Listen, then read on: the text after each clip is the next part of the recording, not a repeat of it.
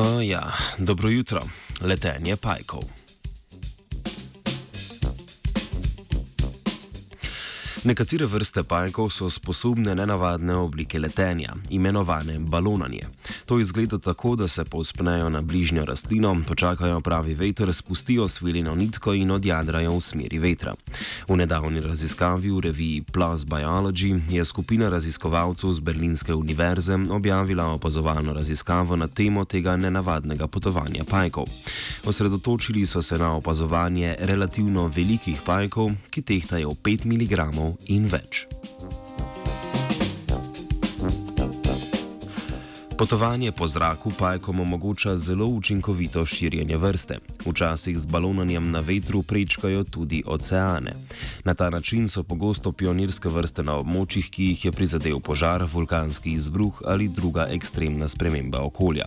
Pajki so tudi prve vrste, ki naselijo novo nastale vulkanske otoke. Balonanje pa uporabijo tudi mladi pajki le nekaj dni po izleganju, da čim prej zapustijo svoje gnezdo in se tako izognejo pogoste temu kanibalizmu. Naenkrat se izleže okoli 100 majhnih pajkcev, ki se v prvih dneh zaradi pomankanja hrane pojedo med seboj. Večina pajkov leti po zraku, ko so še zelo majhni. Le redko so balonanje zabeležili pri pajkih, ki so večji od 3 mm in težji od 5 mg. Prav na te pa so se osredotočili v omenjeni raziskavi.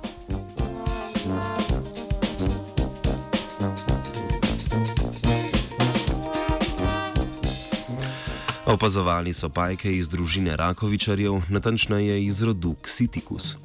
Poiskali so 14 pajkov iz izbranega rodu, ki so jih postavili na gobasto strukturo na višini dobrega metra. Gobasta struktura je služila temu, da je pri pajkih uspodbudila vedenje, ki vodi v balonanje, saj so zaznali zaopljeno podlago in se povzpeli na njen vrh.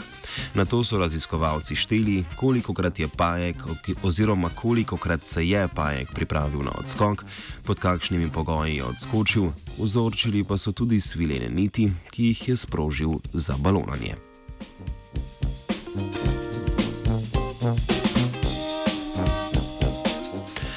Na podlagi zbranih podatkov so pokazali, da pred balonanjem pajek aktivno zaznava smer in jakost vetra s pomočjo ene sprednje noge.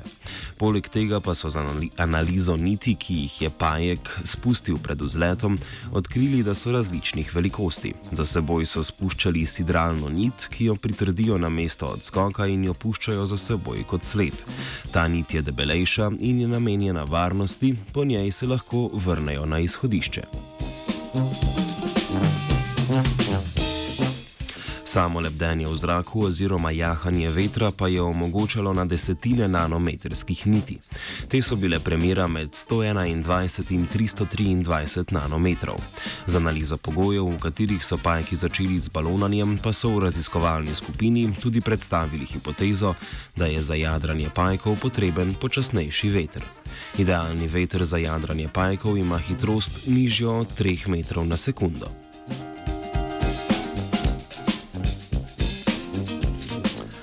Mnoga vprašanja pa še ostajajo neodgovorjena.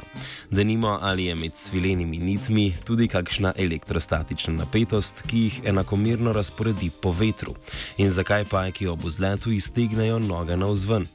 Zagotovo pa zdaj veste, kako nastanejo pajkove mreže, ki se raztezajo visoko med drevesi in merijo več metrov v širino.